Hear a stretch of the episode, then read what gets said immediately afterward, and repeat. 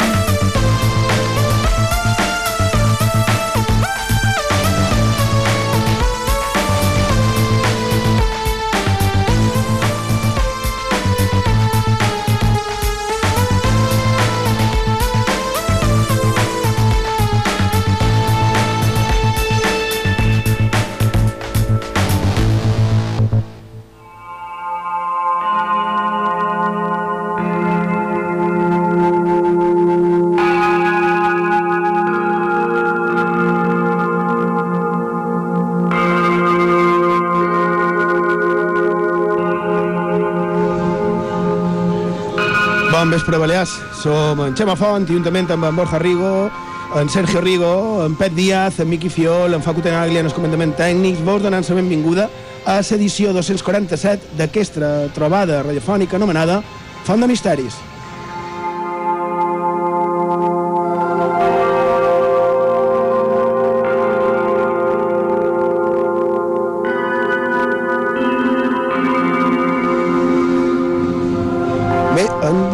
Que és cert aquell Borja Rigo, bon vespre, Sergio Rigo, bon vespre, Bon vespre. aquest, aquest vell refrà que deia, o que diu, per Sant Sebastià, un fred que no es pot aguantar.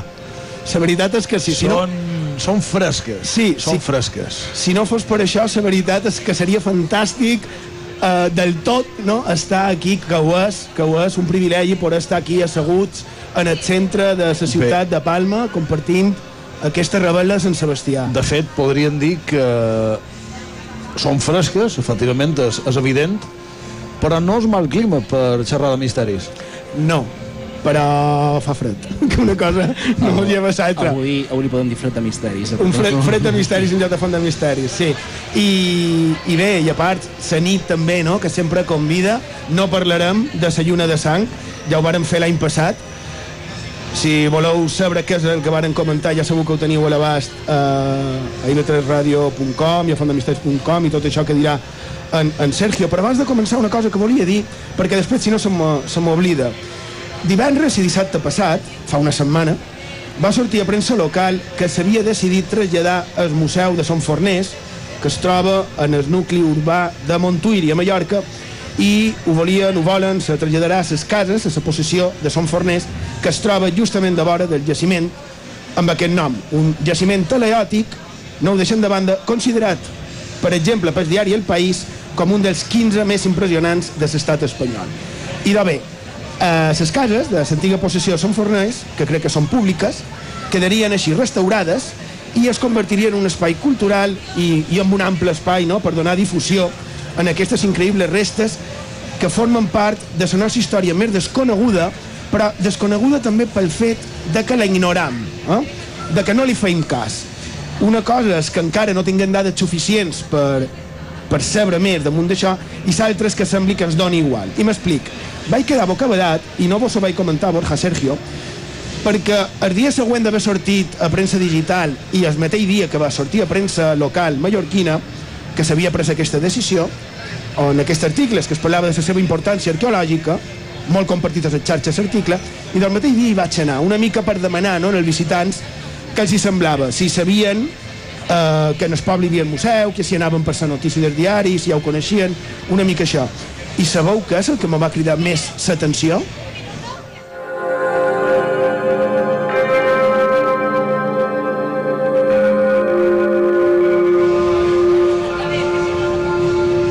Ara anava a dir que és ben cert que hem viscut qualque aventura eh, a Sant Fornès, Correcte. ara, ara també dius que tu també n'has viscut es, una part, però en aquest altre és el que me va cridar l'atenció i no precisament per bo perquè és simplement que en tot el temps que vaig estar allà no hi va haver absolutament ningú val? i això que la visita a Son Forners és gratuïta i a més el lloc vos poden garantir des d'aquí que val la pena. És un lloc increïble, ho tenim al nostre abast i és molt fàcil d'accedir-hi. I és una bona manera no, per traslladar-nos en el més remot de la nostra història a una època totalment misteriosa. És un lloc per poder fer volar la imaginació i la pena és que no hi havia absolutament ningú.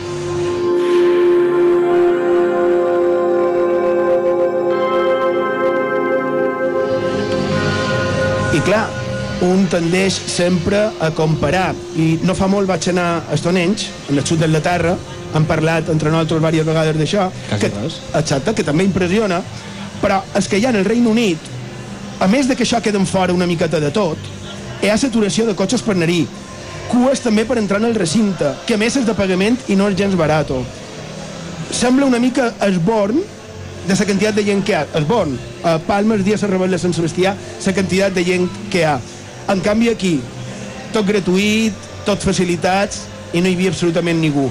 Crec que és per pensar-hi, no sé què trobau.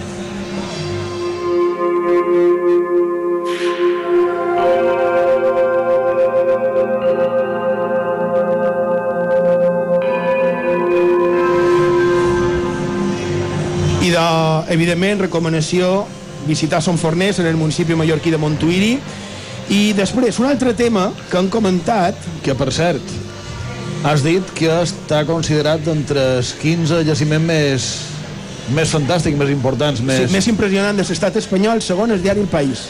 I de, és cert que moltes vegades discrepam de, de certes llistes, però en aquest cas Certament. dir que... I, tam I també hem de dir que no m'agrada... Sí, i també hem de dir que no m'agrada quan fan publicitat de aquest és el poble més guapo d'Espanya i coses d'aquestes, perquè precisament tendeix a la saturació, no? I en aquest cas estaria bé que prenguessin nota. Uh, un altre tema, Sergio. Aquests dies ens vares plantejar això de les pel·lícules interactives i varen dir, i, i si ho comentam en directe a Font de Misteri? Sí, va, va va haver un pot de polèmica amb això de les pel·lícules interactives de Netflix, no? Sobre aquesta nova pel·lícula que s'ha posat de moda. Sí. I llavors vas dir, jope, quina novedat, no? Això és allò m'ha dir, allò m'ha exactament. molt aquesta novedat.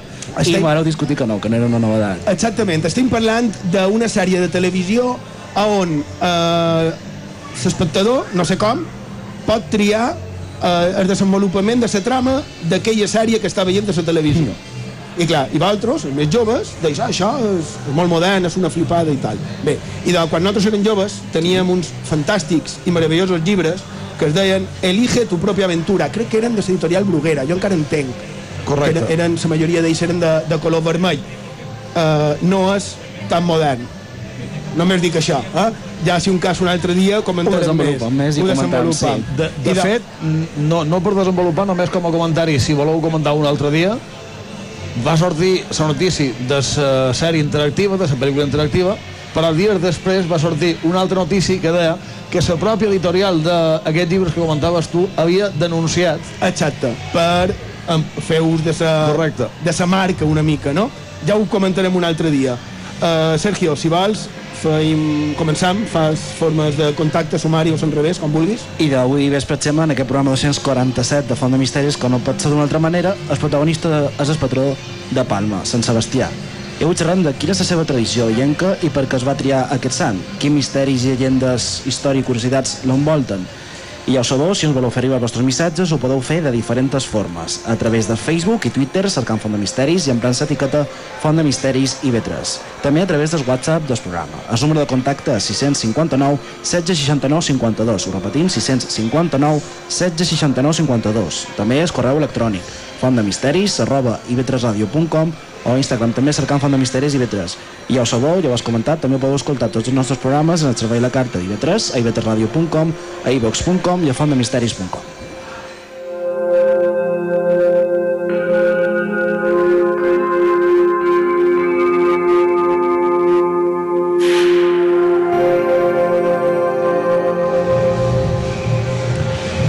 I ara que dius això, Sergio, de que poden escoltar els nostres programes a la carta, gràcies a tots i a tots els que ens escoltau, a part de directament a la ràdio, mitjans internet. La veritat és que estem molt contents, agraïts i, i, i bé, eh, emocionats, la veritat, perquè fa un moment ho hem estat mirant i el nostre darrer programa té unes descàrregues totals entre les dues plataformes principals, iVox i la plana web d'IV3, de més de 4.000 descàrregues només el darrer programa. Així que de tot cor, moltíssimes gràcies a tothom.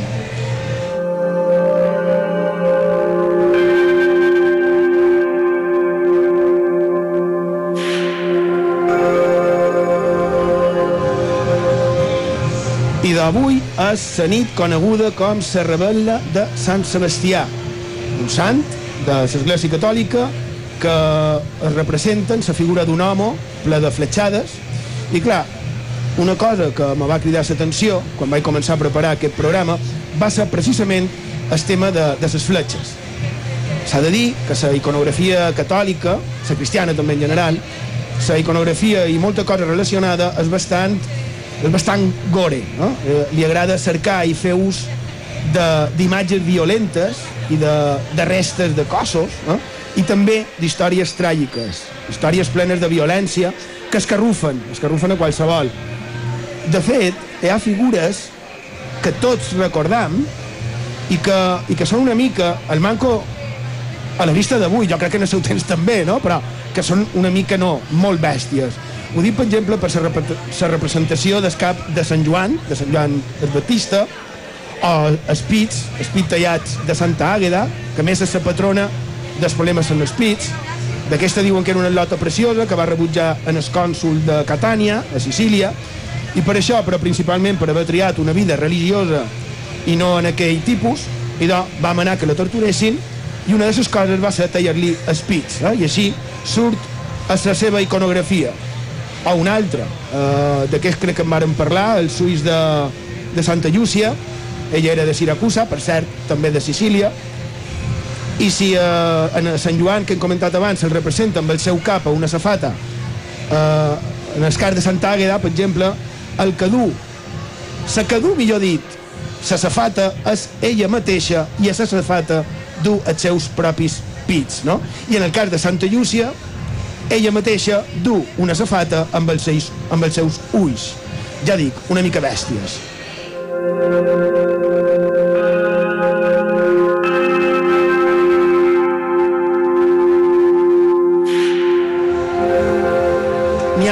més d'exemples. A Santa Polònia d'Alexandria, aquesta morta a Egipte, se la representa amb una estenalla a la mà i una safata plena de dents. Eh? Podem imaginar quin va, ser, quin va ser el seu martiri.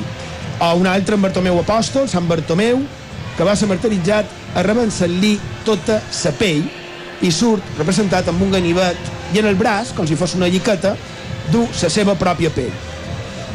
Però clar, clar, tot això té el seu sentit, no es feia per fer. Tot això té una simbologia.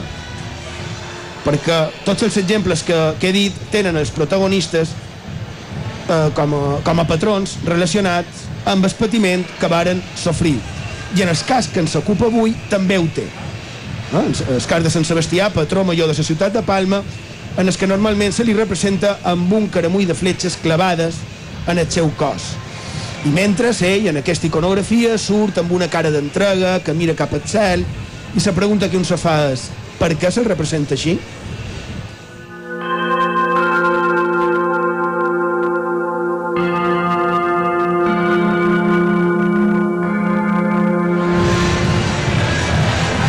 I de, per contestant això i per començar, ens hauríem d'anar, com no, a la geografia, és a dir, a les vides dels sants, a la seva biografia, perquè ja suposa que trobarem qualque referència.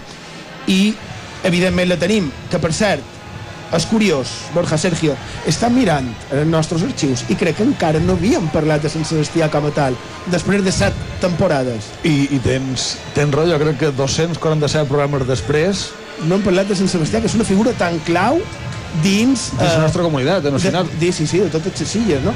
I d'això, jo crec que anava sent ben hora, Estàvem perquè... esperant el dia d'avui. Sí, però, però han passat ja... Sí, sí. Però no va coincidir cap dia que fos dissabte, vespre Uh, pot ser. i Sant Sebastià. Pot ser, perquè, clar, és molt important, com bé diu en Borja, la nostra comunitat, perquè a part de Palma, que clar, és la més sonada per proporcionalitat i per aquest, aquesta festassa no? que se fa a Palma, però també el tenim, o l'hem tingut, com a destacat a Falanich, Pollença, Costitx, Alcúdia, Sineu, Sant Joan, Cap de Llà, que dèiem abans amb els companys, eh, Calvià, Muro, Buja, Inca, bé, n'hi ha més. Però mm, gairebé tots municipis de Mallorca. Mm? A Menorca i Eivissa crec que hi ha manco tradició. Tal vegada tenen més en Sant Antoni, ja ho hem vist també aquests dies, però en qualsevol cas, la de Sant Sebastià, verdaderament també està molt estesa. I de, anem a veure la vida, la increïble vida d'aquest sant i el que encara és més increïble, el per què de la seva influència i presència en el nostre costumari. Petita pausa i tot d'una continuem. A Font de Misteris, a IB3 Ràdio. On la història es torna llegenda, a on el més quotidià es torna màgic. Acompanya'ns a la nostra Font de Misteris a IB3 Ràdio. IB3 Ràdio, la ràdio pública de les Illes Balears.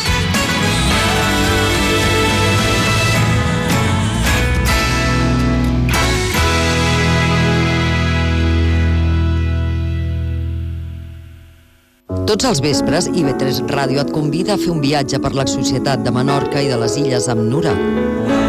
Som en Carles Marquès i et convida a entrar cada vespre a Nura. Nura, una proposta diària de Carles Marquès. De dilluns a dijous, a les 10 del vespre, a IB3 Ràdio. Aquest dissabte, a la Gran Vida, descobrirem que l'any 2019 és un any molt cinematogràfic. Josep Carles Romaguera ens parlarà d'una sèrie de pel·lícules que situaven l'acció a l'any 2019 com a futur llunyà. Veurem si el 2019 que ells pensaven s'assembla al que acabam de començar. I la nostra crítica i comissària d'art, Georgina Sass, torna amb l'eclecticisme que permet parlar de Beyoncé fins a arribar a Baltus i passar per Xillida sense despentinar-se. La gran vida, a IB3 Ràdio.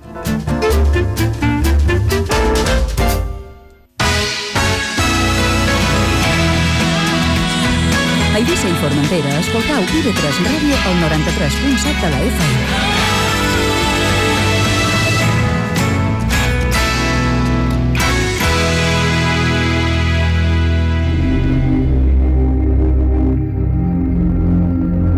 Misteris i llegendes a Font de Misteris, amb Xema Font.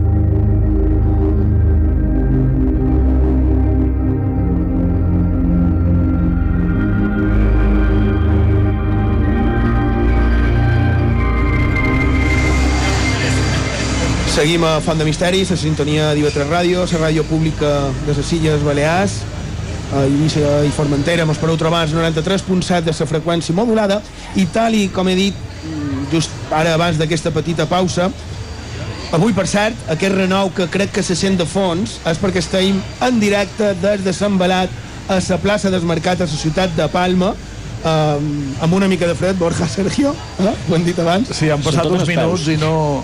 Se comença a notar, Sí, sí, sí, Se sí. comença a notar. Abans que passejàvem per Palma estava bé, però ara aturats... Eh?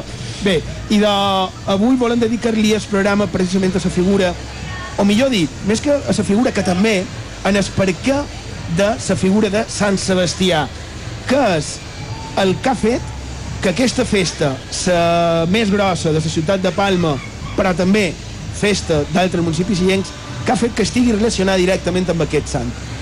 I, com podeu imaginar, en el darrere d'això hi ha molta cosa curiosa, molta cosa misteriosa per dir.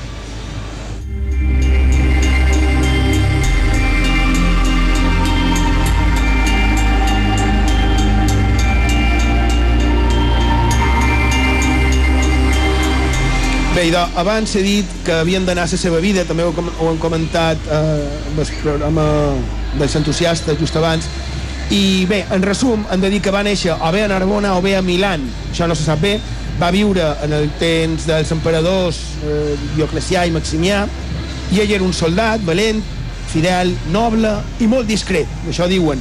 I per aquest motiu, en Dioclecià, en Dioclecià que era l'emperador, el va anomenar capità de la seva guàrdia personal eh? i el tenia amb ell a Palau. Era un càrrec que només es donava a gent de molta confiança i que més havien de ser de bona família, com ell.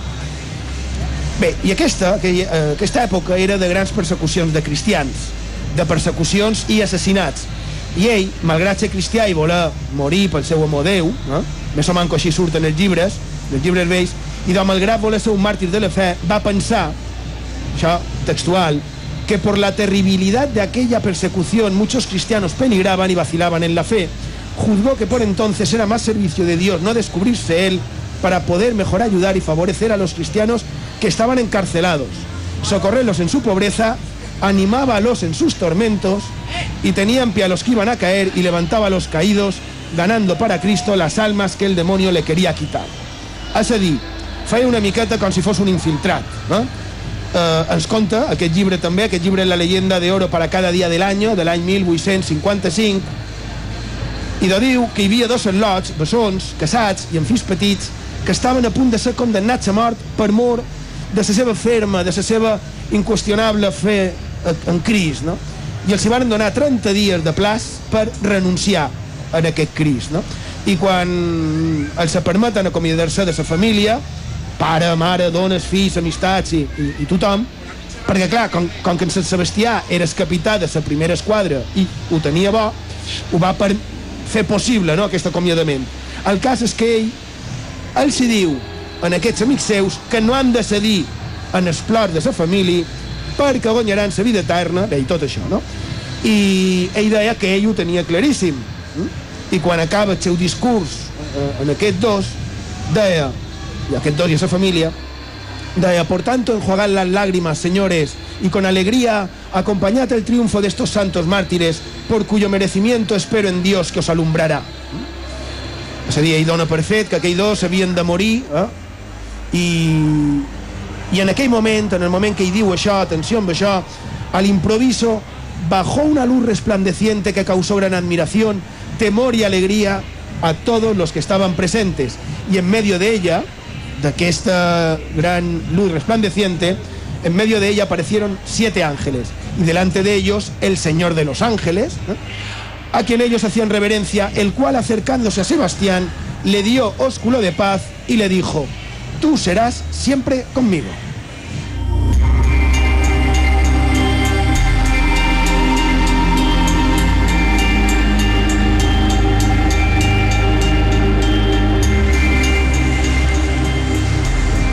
Això que acabes de, de comentar mateix, jo diria que és un d'aquests casos, ja hem comentat altres vegades també, que si el contàssim en paraules modernes, l'aventura seria diferent. Exacte. Però, com? bueno, el cas no seria diferent, sinó la manera de contar-lo. La interpretació que li Correcte. faríem tal vegada, sí. Sí, però a més no acaba aquí tot això, eh? això continua, com bé saps, perquè una dona que estava ja reunida amb ells, veient això, li demana sa batiada. Ella era, era muda, no podia xerrar, ell la batia i diu que si tot això de Jesús que ella havia dit era cert, que ella pogués parlar. I clar, i podeu imaginar que directament ella va començar a parlar. I al poc temps, tots els que estaven allà reunits volien ser cristians i co comença així, ell, Sant Sebastià, un període de cristianització de, de, de sa gent. Eh? Recordem, com hem dit, que era una època on els cristians eren morts sovint by tortures per fer-los renunciar, per fer-los apostatar de, del seu Déu, no? del seu Déu. A part de la dona que he dit abans, que, que era Nazoa, també va curar de manera miraculosa a molt d'altres mitjans un ritus tan senzill com pot ser el batisme, simplement. Eh? Passen aquests 30 dies que dit que havien donat en aquells germans bessons perquè renunciessin i quan la justícia li demana en els pares si els seus fills renunciarien a Jesús i per tant així podrien salvar sa vida, el pare respon que no. I que més, això també és molt sorprenent, el pare d'aquests dos bessons diu no, i jo també som cristià. I aquí, eh, en lloc de ser castigat directament, el prefecte que l'interrogava, el prefecte i un caramull més, a més també són convertits. No? Però clar, després arriba un nou prefecte que executa la condena de mort dels bessons i de tots els altres que s'havien convertit, tots els que va por Aglepí, clar. Diu, todos los otros que habían sido convertidos por San Sebastián, asimismo murieron y dieron la vida por Cristo, de lo cual hubo grande alegría y regocijo entre los cristianos y tristeza y confusión entre los gentiles. Increïble això de grande alegria i regocijo, però bé, És, és curiós no, perquè... digui, sí que- rego, no relacioni regocijo con los Monty Python. No, no, que Val. po podria. Sí, però no. No, el que anava a dir és que sí que és vera que és molt curiós aquest intercanvi de rol, per ventura, no? Els, els cristians són els que estan com a contents com a no, contents i és, i és que haurien de ser una mica indiferents en, en, aquest, en aquest tema són els que, els que ho passen malament. Perquè veien les barbaritats de podem deduir no? i aquí en, en Dioclecià se n'entem de tot això i li demanen a en Sebastià que després seria Sant Sebastià si era cert que ell també s'havia tornat cristià. Y San Sebastián le diu que sí, y en Dioclecià mandó que arrebatasen a San Sebastián y le quitasen de su presencia, y que poniéndole delante del pecho una tablilla en que tuviese escrito que era cristiano, en pie, en medio de un campo, le atasen y le asaetasen los flecheros y tiradores de sus guardas. Hízose así como el emperador lo mandó.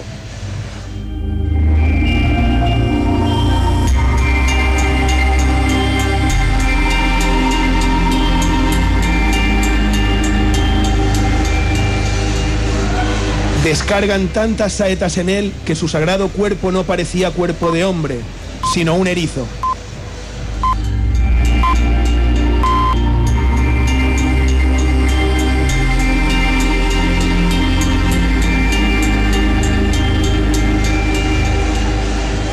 Diu el llibre que, que he citat abans que ell, tot feliç de poder oferir el seu patiment en el seu Déu, no?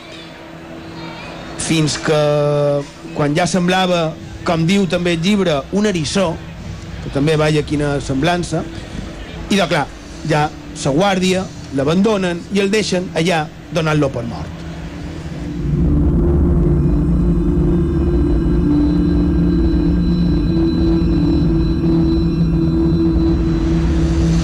I d'així tindríem que era un tipus que en vida va fer cert miracles, com han comentat, que va tenir l'aparició d'uns éssers de llum amb els que va tenir contacte que a això, més... Això és la millor de tot, eh? Això és, és, és, és que és que a més ho diu, que, que, és que m'encanta, una luz resplandeciente que causó gran admiración, temor y alegría a todos los que estaban presentes y en medio de ella aparecieron siete ángeles y delante de ellos el Señor de los Ángeles, o sigui, me sembla impressionant i que a més li va donar un òscul, un, un, un, una besada, no? Es, es, es, encara, sí, brutal. I, I que, a més, dèiem, Sant Sebastià, una altra cosa és que el varen matar per la seva fe en Crist i que el varen matar amb fletxes, eh?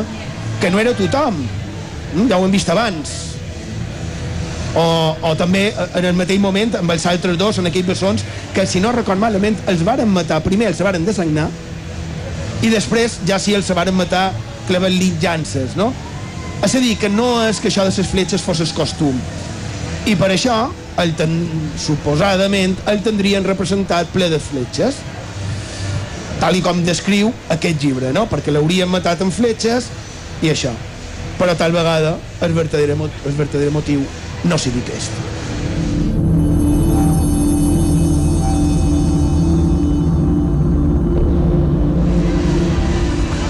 Però abans d'omplir-lo de fletxes i arrel de d'aquella visita no? que tant mos ha sorprès i tant mos agrada, que actualment jo crec que seria, Borja, Sergio, jo crec que seria d'aquestes que, que estirien catalogades dins el grup de cinquè grup, no? De, de trobades misterioses. Sí, perquè efectivament ha, hi ha un contacte més enllà de, de veure una cosa estranya Exacte, o, de, no? o, de, o de sentir una cosa estranya o de rebre un missatge una cosa estranya, sinó que hi ha un contacte físic. Contacte físic amb aquests éssers de llum. Això des de, de cinquè tipus és de lo que està catalogat per un astrofísic de que serien aquestes trobades amb els que a dia d'avui, per això l'interpretació, se, com diríem, seria el que a dia d'avui anomenarien extraterrestres, no? que, que en aquest cas estaria per tema religiós vinculat a àngels. Fas bé en explicar-ho perquè mos feien aquí el públic Sí, cares com, com poc digui, estranyes. que, que, diu ara, que, sí, sí, què sí. diuen aquests, no? Sí, sí. A, a mi no, no, me- no me cansa i no me deixa de fascinar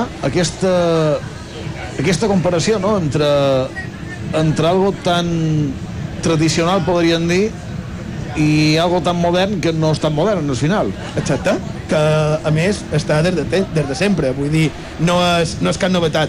Però eh, és curiós també el fet de que en Sant Sebastià fes miracles. miracles en vida, no, no després que se li hagin atribuït miracles, que també és un altre tema que si no, no sé si mos donarà temps. Però tu tenies, Borja, recollits uns altres exemples que malgrat no ser de sants, que després no han estat santificats, Ho podrien ser. ho ja- podrien ja ser d'entrada. i que eh, són d'aquí, són de les nostres illes. De un parell. en, ten- en tinc un per aquí. Podríem xerrar, si voleu, d'un personatge curiós, musulmà, nascut a Mallorca i que l'any 1606 va abraçar la fe cristiana adoptant el nom de Hugo Contestí. Fins aquí, un de tants, no, no és estrany.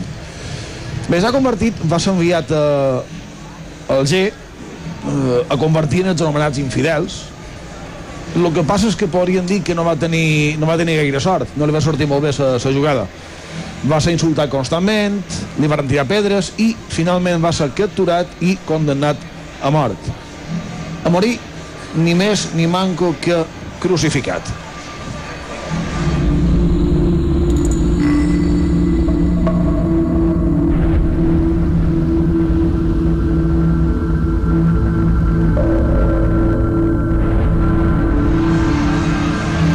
Aquest moment tan, tan terrible i tan espantós és quan succeeix lo impossible. Això que m'agrada a mi tantes vegades, lo impossible, lo impensable, lo estrany. Ara, si voleu, vos llegiré textualment el que diu en Furió, tampoc podria faltar un programa com el d'avui, en el seu Martirio Eulogio. Diu, mandaron con gran imperio al mártir de Jesucristo que se extendiese sobre la cruz que le tenían preparada. Y él, arrodillándose delante de ella, dijo, oh cruz deseada, oh cruz que por todo el mundo has extendido el resplandor de tu luz, recíbeme, aunque no soy digno de tal favor. Burlábase de él, entre tanto, los moros, y le enclavaron con cuatro clavos en ella, donde murió después de tres días de padecer, diciendo, Rey eterno de la gloria, recibid mi espíritu pendiente en el madero, en que vos redimisteis al mundo. Y habiendo dicho esto, entregó su espíritu. I aquí ve la part que més m'agrada d'aquesta història. Diu, La part truculenta, i Correcte. misteriosa i estranya. No te basta l'anterior. no, Val. El sol se llenó de tinieblas. Las aguas se enturbiaron. Los barcos se rompieron. Muchas casas de la ciudad se desplomaron. Y los que habían crucificado confusos salieron temerosos al desierto, diciendo, en verdad este era amado de Dios. A la noche fueron los cristianos y le bajaron de la cruz para enterrarle juntamente con ella.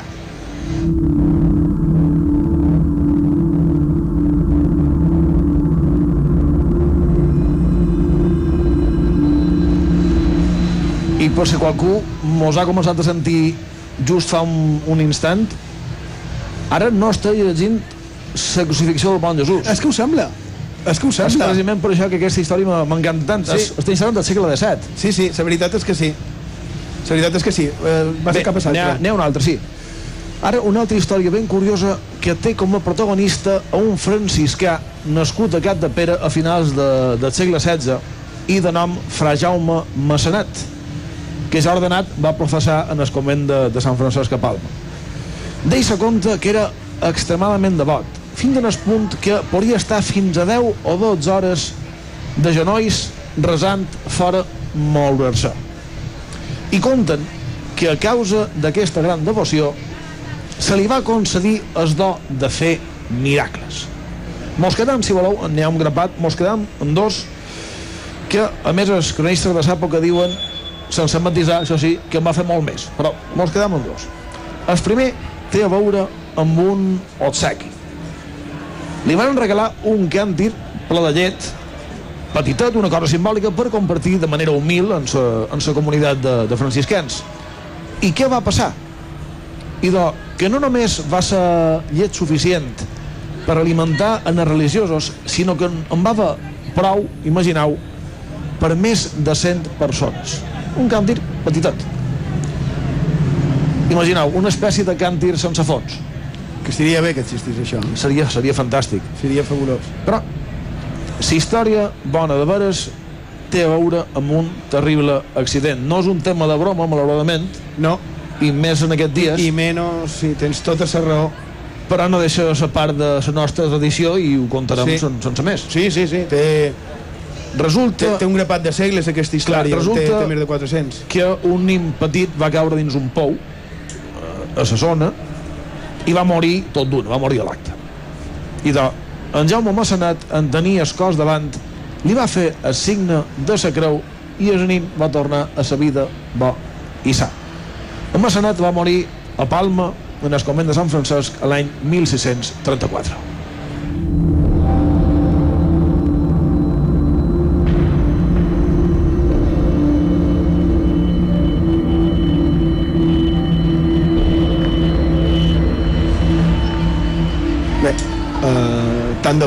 Puguem confiar en un miracle també, eh?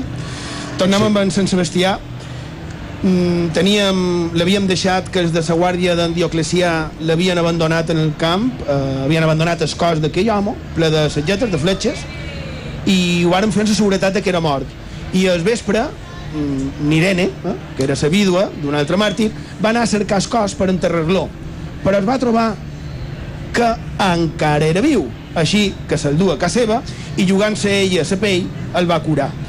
Al a poc temps, després, ell estava restablert i malgrat tothom li demanava que fugís perquè el tornarien a intentar matar, evidentment, ell va dir que no i no se li va ocórrer una altra idea que quan en Dioclecià, eh, que era, recordem, el que va manar la seva mort, que eren amics anteriorment, i de quan en Dioclecià passava per allà, ell, en Sant Sebastià, es va posar davant de la comitiva de l'emperador. I clar, aquest, després de certes paraules, va ordenar de ben nou la seva mort. No? I, clar, d'una altra manera, eh? a cops i a sots. I ho fan i el maten. Aquest sí, el maten.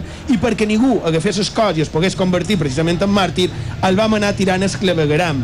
Perquè recordem, part històrica, que els romans ja tenien clavegueres. Eh? I ho varen tirar sense dir a on, amb la intenció de que ningú sabés a on era, no? Però aquí a les illes tenim qualque relíquia.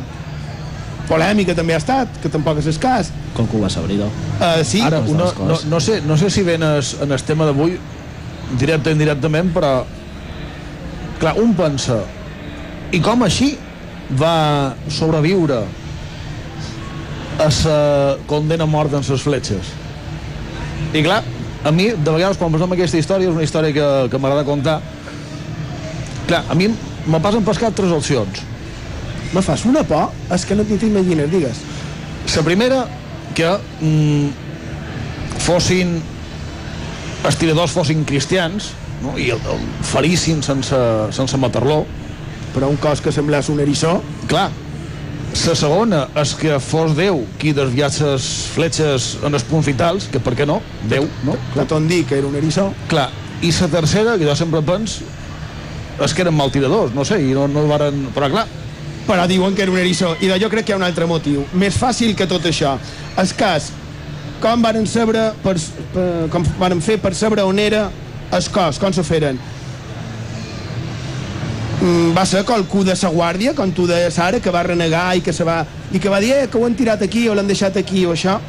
I de no, va ser ell, ell mateix, va ser el propi Sant Sebastià, que li va dir mitjans somnis, mitjans una aparició, li va dir a una tal Lucina. Eh? O sigui, que fins i tot ell, ell mateix, va manar un pin mort que l'enterressin on se suposa que està enterrat a dia d'avui, de vora Sant Pere i Sant Pau, a unes catacombes a Roma.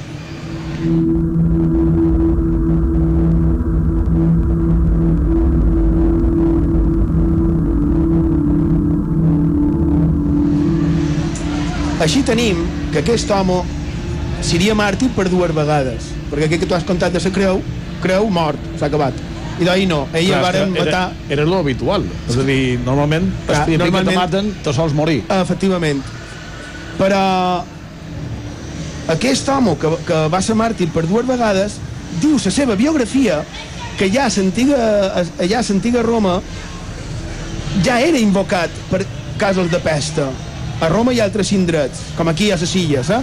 que el tenim, no sé si ho sabíeu com a patró contra la pesta i clar, i un es demana i per què? Mm? Més que res, perquè els patrons, les patrones de l'església ho són directament per coses relacionades amb la seva mort. on la seva iconografia, eh? Santa Llucia, eh, el Suis, contra el problema de la vista, o Santa Bàrbara, per les tormentes, patrona dels miners i dels militars, relacionada amb Estró. Sabeu per què està relacionada amb Estró Santa Bàrbara? Crec que ho pot contar. Perquè quan va ser martiritzada, un tro va matar el que l'estava torturant. Eh? És a dir, sempre una causa-efecte directa. Eh, el més trist era qui era el que l'estava torturant. No entrarem en detalls. Però en Sant Sebastià, patró protector contra la pesta i mort amb fletxes. Quina relació, eh?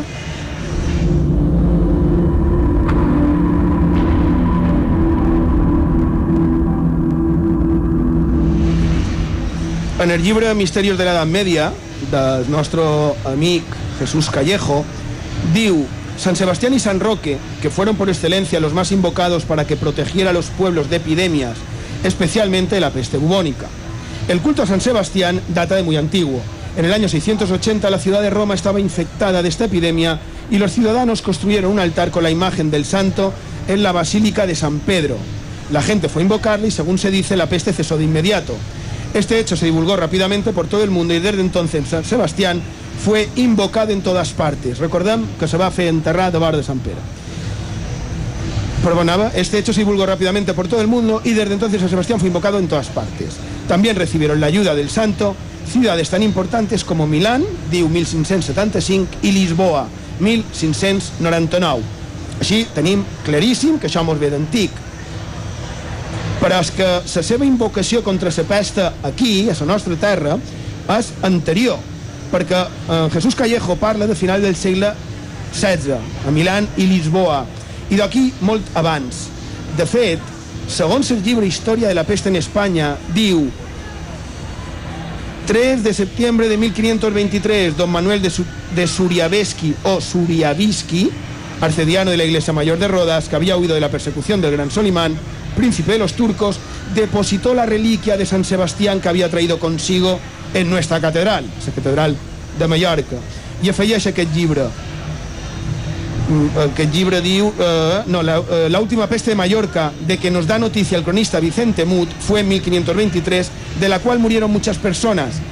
Y añade que desde este tiempo hasta 1650 en que vivía, no hubo semejante enfermedad en la isla, porque tienen un brazo de San Sebastián, y que, con aquel, y que en ellos tiempos estaba la isla más expuesta a este contagio por razón del comercio con los de Levante, contaminados comúnmente de este.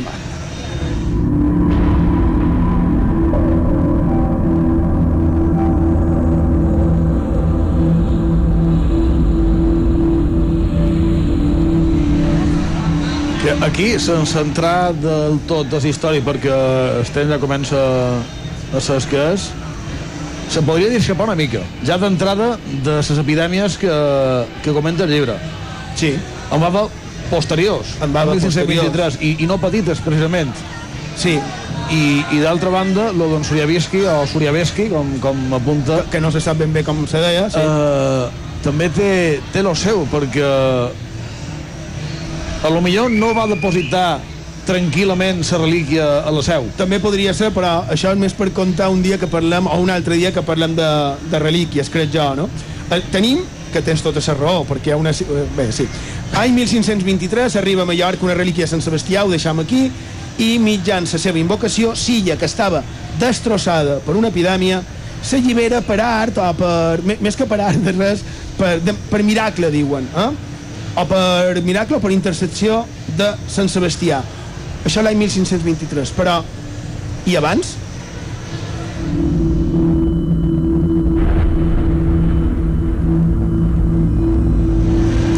I d'abans, a part de que es feien peregrinacions precisament a, Sant, a Santiago, pregant per acabar les epidèmies, abans de l'arribada de la relíquia de Sant Sebastià hi ha una dada que m'ha sorprès.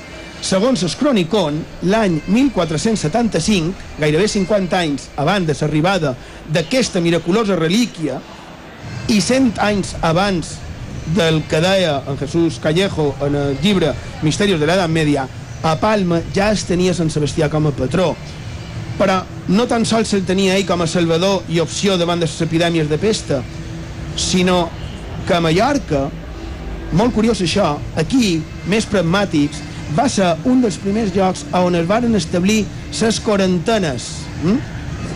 Com a mínim, no sé si ho sabíeu, pot ser que fos la primera eh, ciutat, no, en aquest cas sí, el primer territori d'Espanya, de, crec que Venècia es van adelantar una mica, però com a mínim a Espanya, que mm, territori espanyol, millor dit, que el 1484 ja era obligatori haver de passar pels getserets per evitar els contagis i fins i tot hi una mena de vigilants que eren els morbers. Eh? El cronicó mayoricense, en los pueblos hubo una gran mortandad a causa de la epidemia. Establecióse en este año la llamada cuarentena, 1484, asegurando algunos autores que Mallorca fue la primera provincia que la estableció. San Sebastián era ya patrón del reino de Mallorca. Los morberos tenían jurisdicción criminal. Eh? I diu que la seva era tanta com per arribar al punt que els virreis els havien de respectar i deixar fer la seva feina. Diu la comissió de morberos integrada por el baile general, el veguer, dos ciudadanos, dos menestrales y un médico, formada en 1471, redactó este año sus estatutos.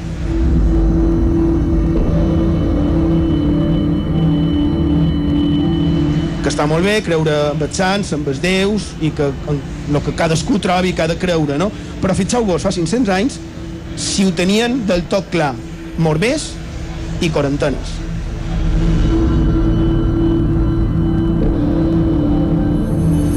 Abans hem parlat de la terrible pesta, que era de l'any 1523, així que vist això, una es demana com així, si hi havia morbers i quarantenes des de l'any 1484, va haver una terrible epidèmia de pesta l'any 1523. La meva opinió és que va ser per mort de l'arribada dels exèrcits, per mort de les revoltes anomenades germanies.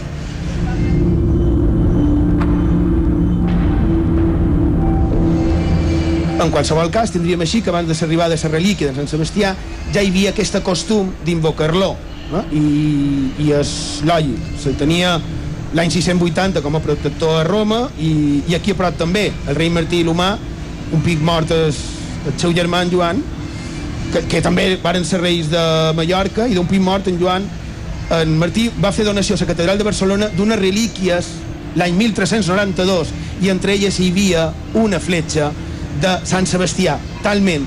Però no era l'únic, hi havia més. A part d'una fletxa hi havia altres relíquies sorprenents que les hem de guardar per un altre, per un altre dia perquè és increïble.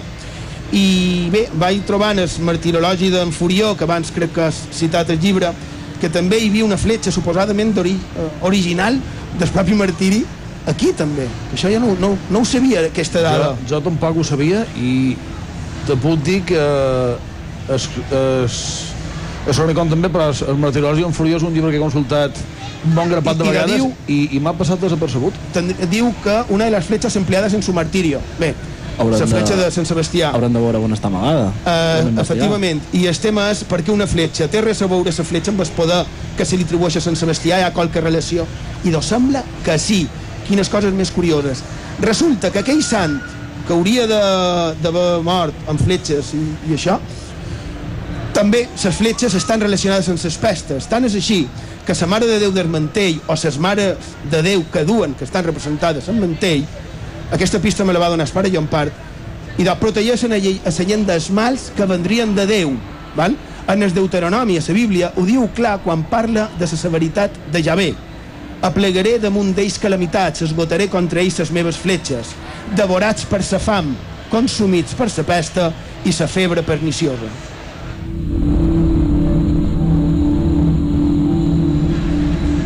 És a dir, la pròpia Bíblia, a banda de Sant Sebastià i de les representacions de Mare de Déus, ja tenien les fletxes com a senyal de la pesta, com a representació de les plagues i de les epidèmies.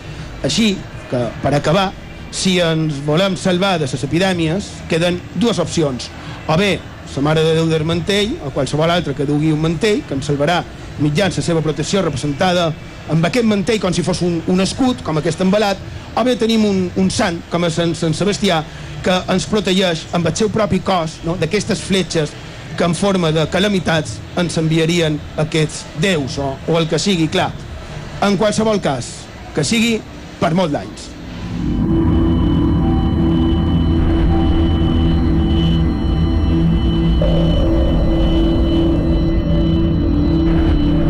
Misteris i llegendes a Font de Misteris, amb Xema Font.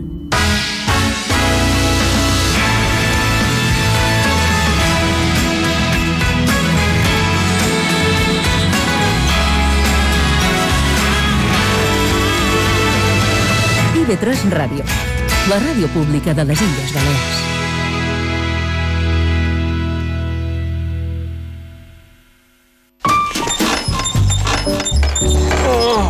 Quedat engalavernant, Maria. Però què fas, Joan Guillem? Ai, ja t'ho deia jo, quan ses coses no se fan servir, se reveien. Eh, que això ho arreglam amb una mica de lubricant, dona. No apaguis el llum. Dissabte a mitjanit, amb Maria Rigo i Joan Guillem Jaume, a IB3 Ràdio.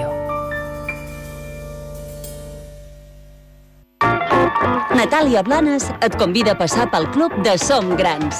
Aquí el que es du és tenir més de 60 anys, arrugues i experiència de dojo. Som Grans, dilluns a les 8 del vespre a IB3 Ràdio. IB3 Ràdio. A Capdepera, 96.4. A IB3 Ràdio, Font de Misteris.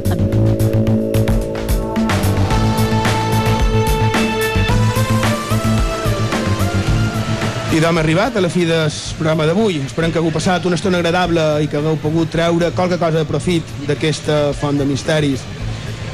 I bé, tenim clar que cadascú, ho hem dit també, no?, en la vida d'aquests martiritzats, que cadascú amb el seu cos pot fer el que vulgui, res a dir amb això, sempre i quan no afecti en els altres, clar.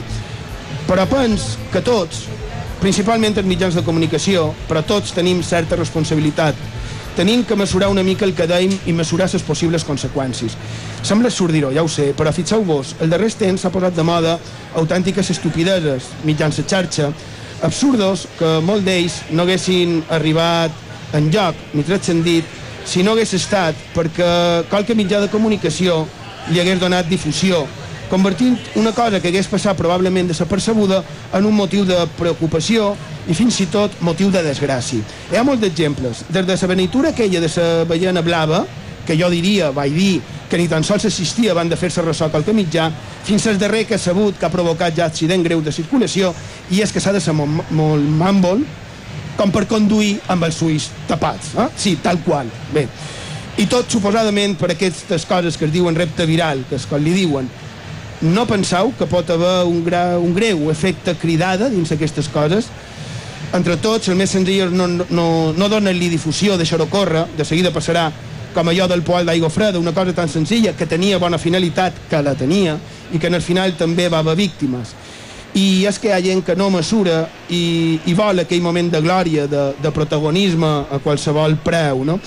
I ara veure com acaba lo del tipus aquell que parla de fer morcilles en sa pròpia sang, que veure que com si se fa un tall es dedica a veure la seva pròpia sang o que faci el que vulgui. El problema és el possible efecte cridada d'aquestes absurdes idees, d'aquestes beneitures que acaben duent conseqüències moltes vegades greus i molt greus. Per això, en aquestes utopies de gairebé la mitjanit del dissabte i 3 Ràdio, deixem, deixem de donar publicitat i promoció en aquestes beneitures. Veureu com, com passaran de moda. A més, a més, això dels màrtirs per ses causes ja fa temps que precisament va passar de moda. Fixeu-vos en Sant Sebastià, aquest nostre màrtir, no? recordeu que ell volia ser martiritzat, però és que ell és de fa més de 15 segles. No? Qualque cosa crec que hauríem d'evolucionar. I ara que, que he citat a Sant Sebastià, Bé, i de Sant Sebastià que compleixi com a patró i ens protegeixi de les epidèmies, de totes les epidèmies. Mi vida no es de nadie, ni yo le pido a nadie que haga cosas que yo no haría. Del El último de la fila, el loco de la calle. Allí, Pau, bona nit, gràcies per la vostra companyia i fins la setmana que ve. todas partes. Mi vida no es de nadie, ni yo le pido a nadie nunca que haga algo que yo mismo tampoco haría sin dudarlo. Y solo sé que no puedo estar. Si tú te vas, mi casa voy a quemar. Y ella está tan sola que huye del centro de la calle. Su puerta y su mirada cerradas a Cantoyacán. Y sola sé que no puedo. time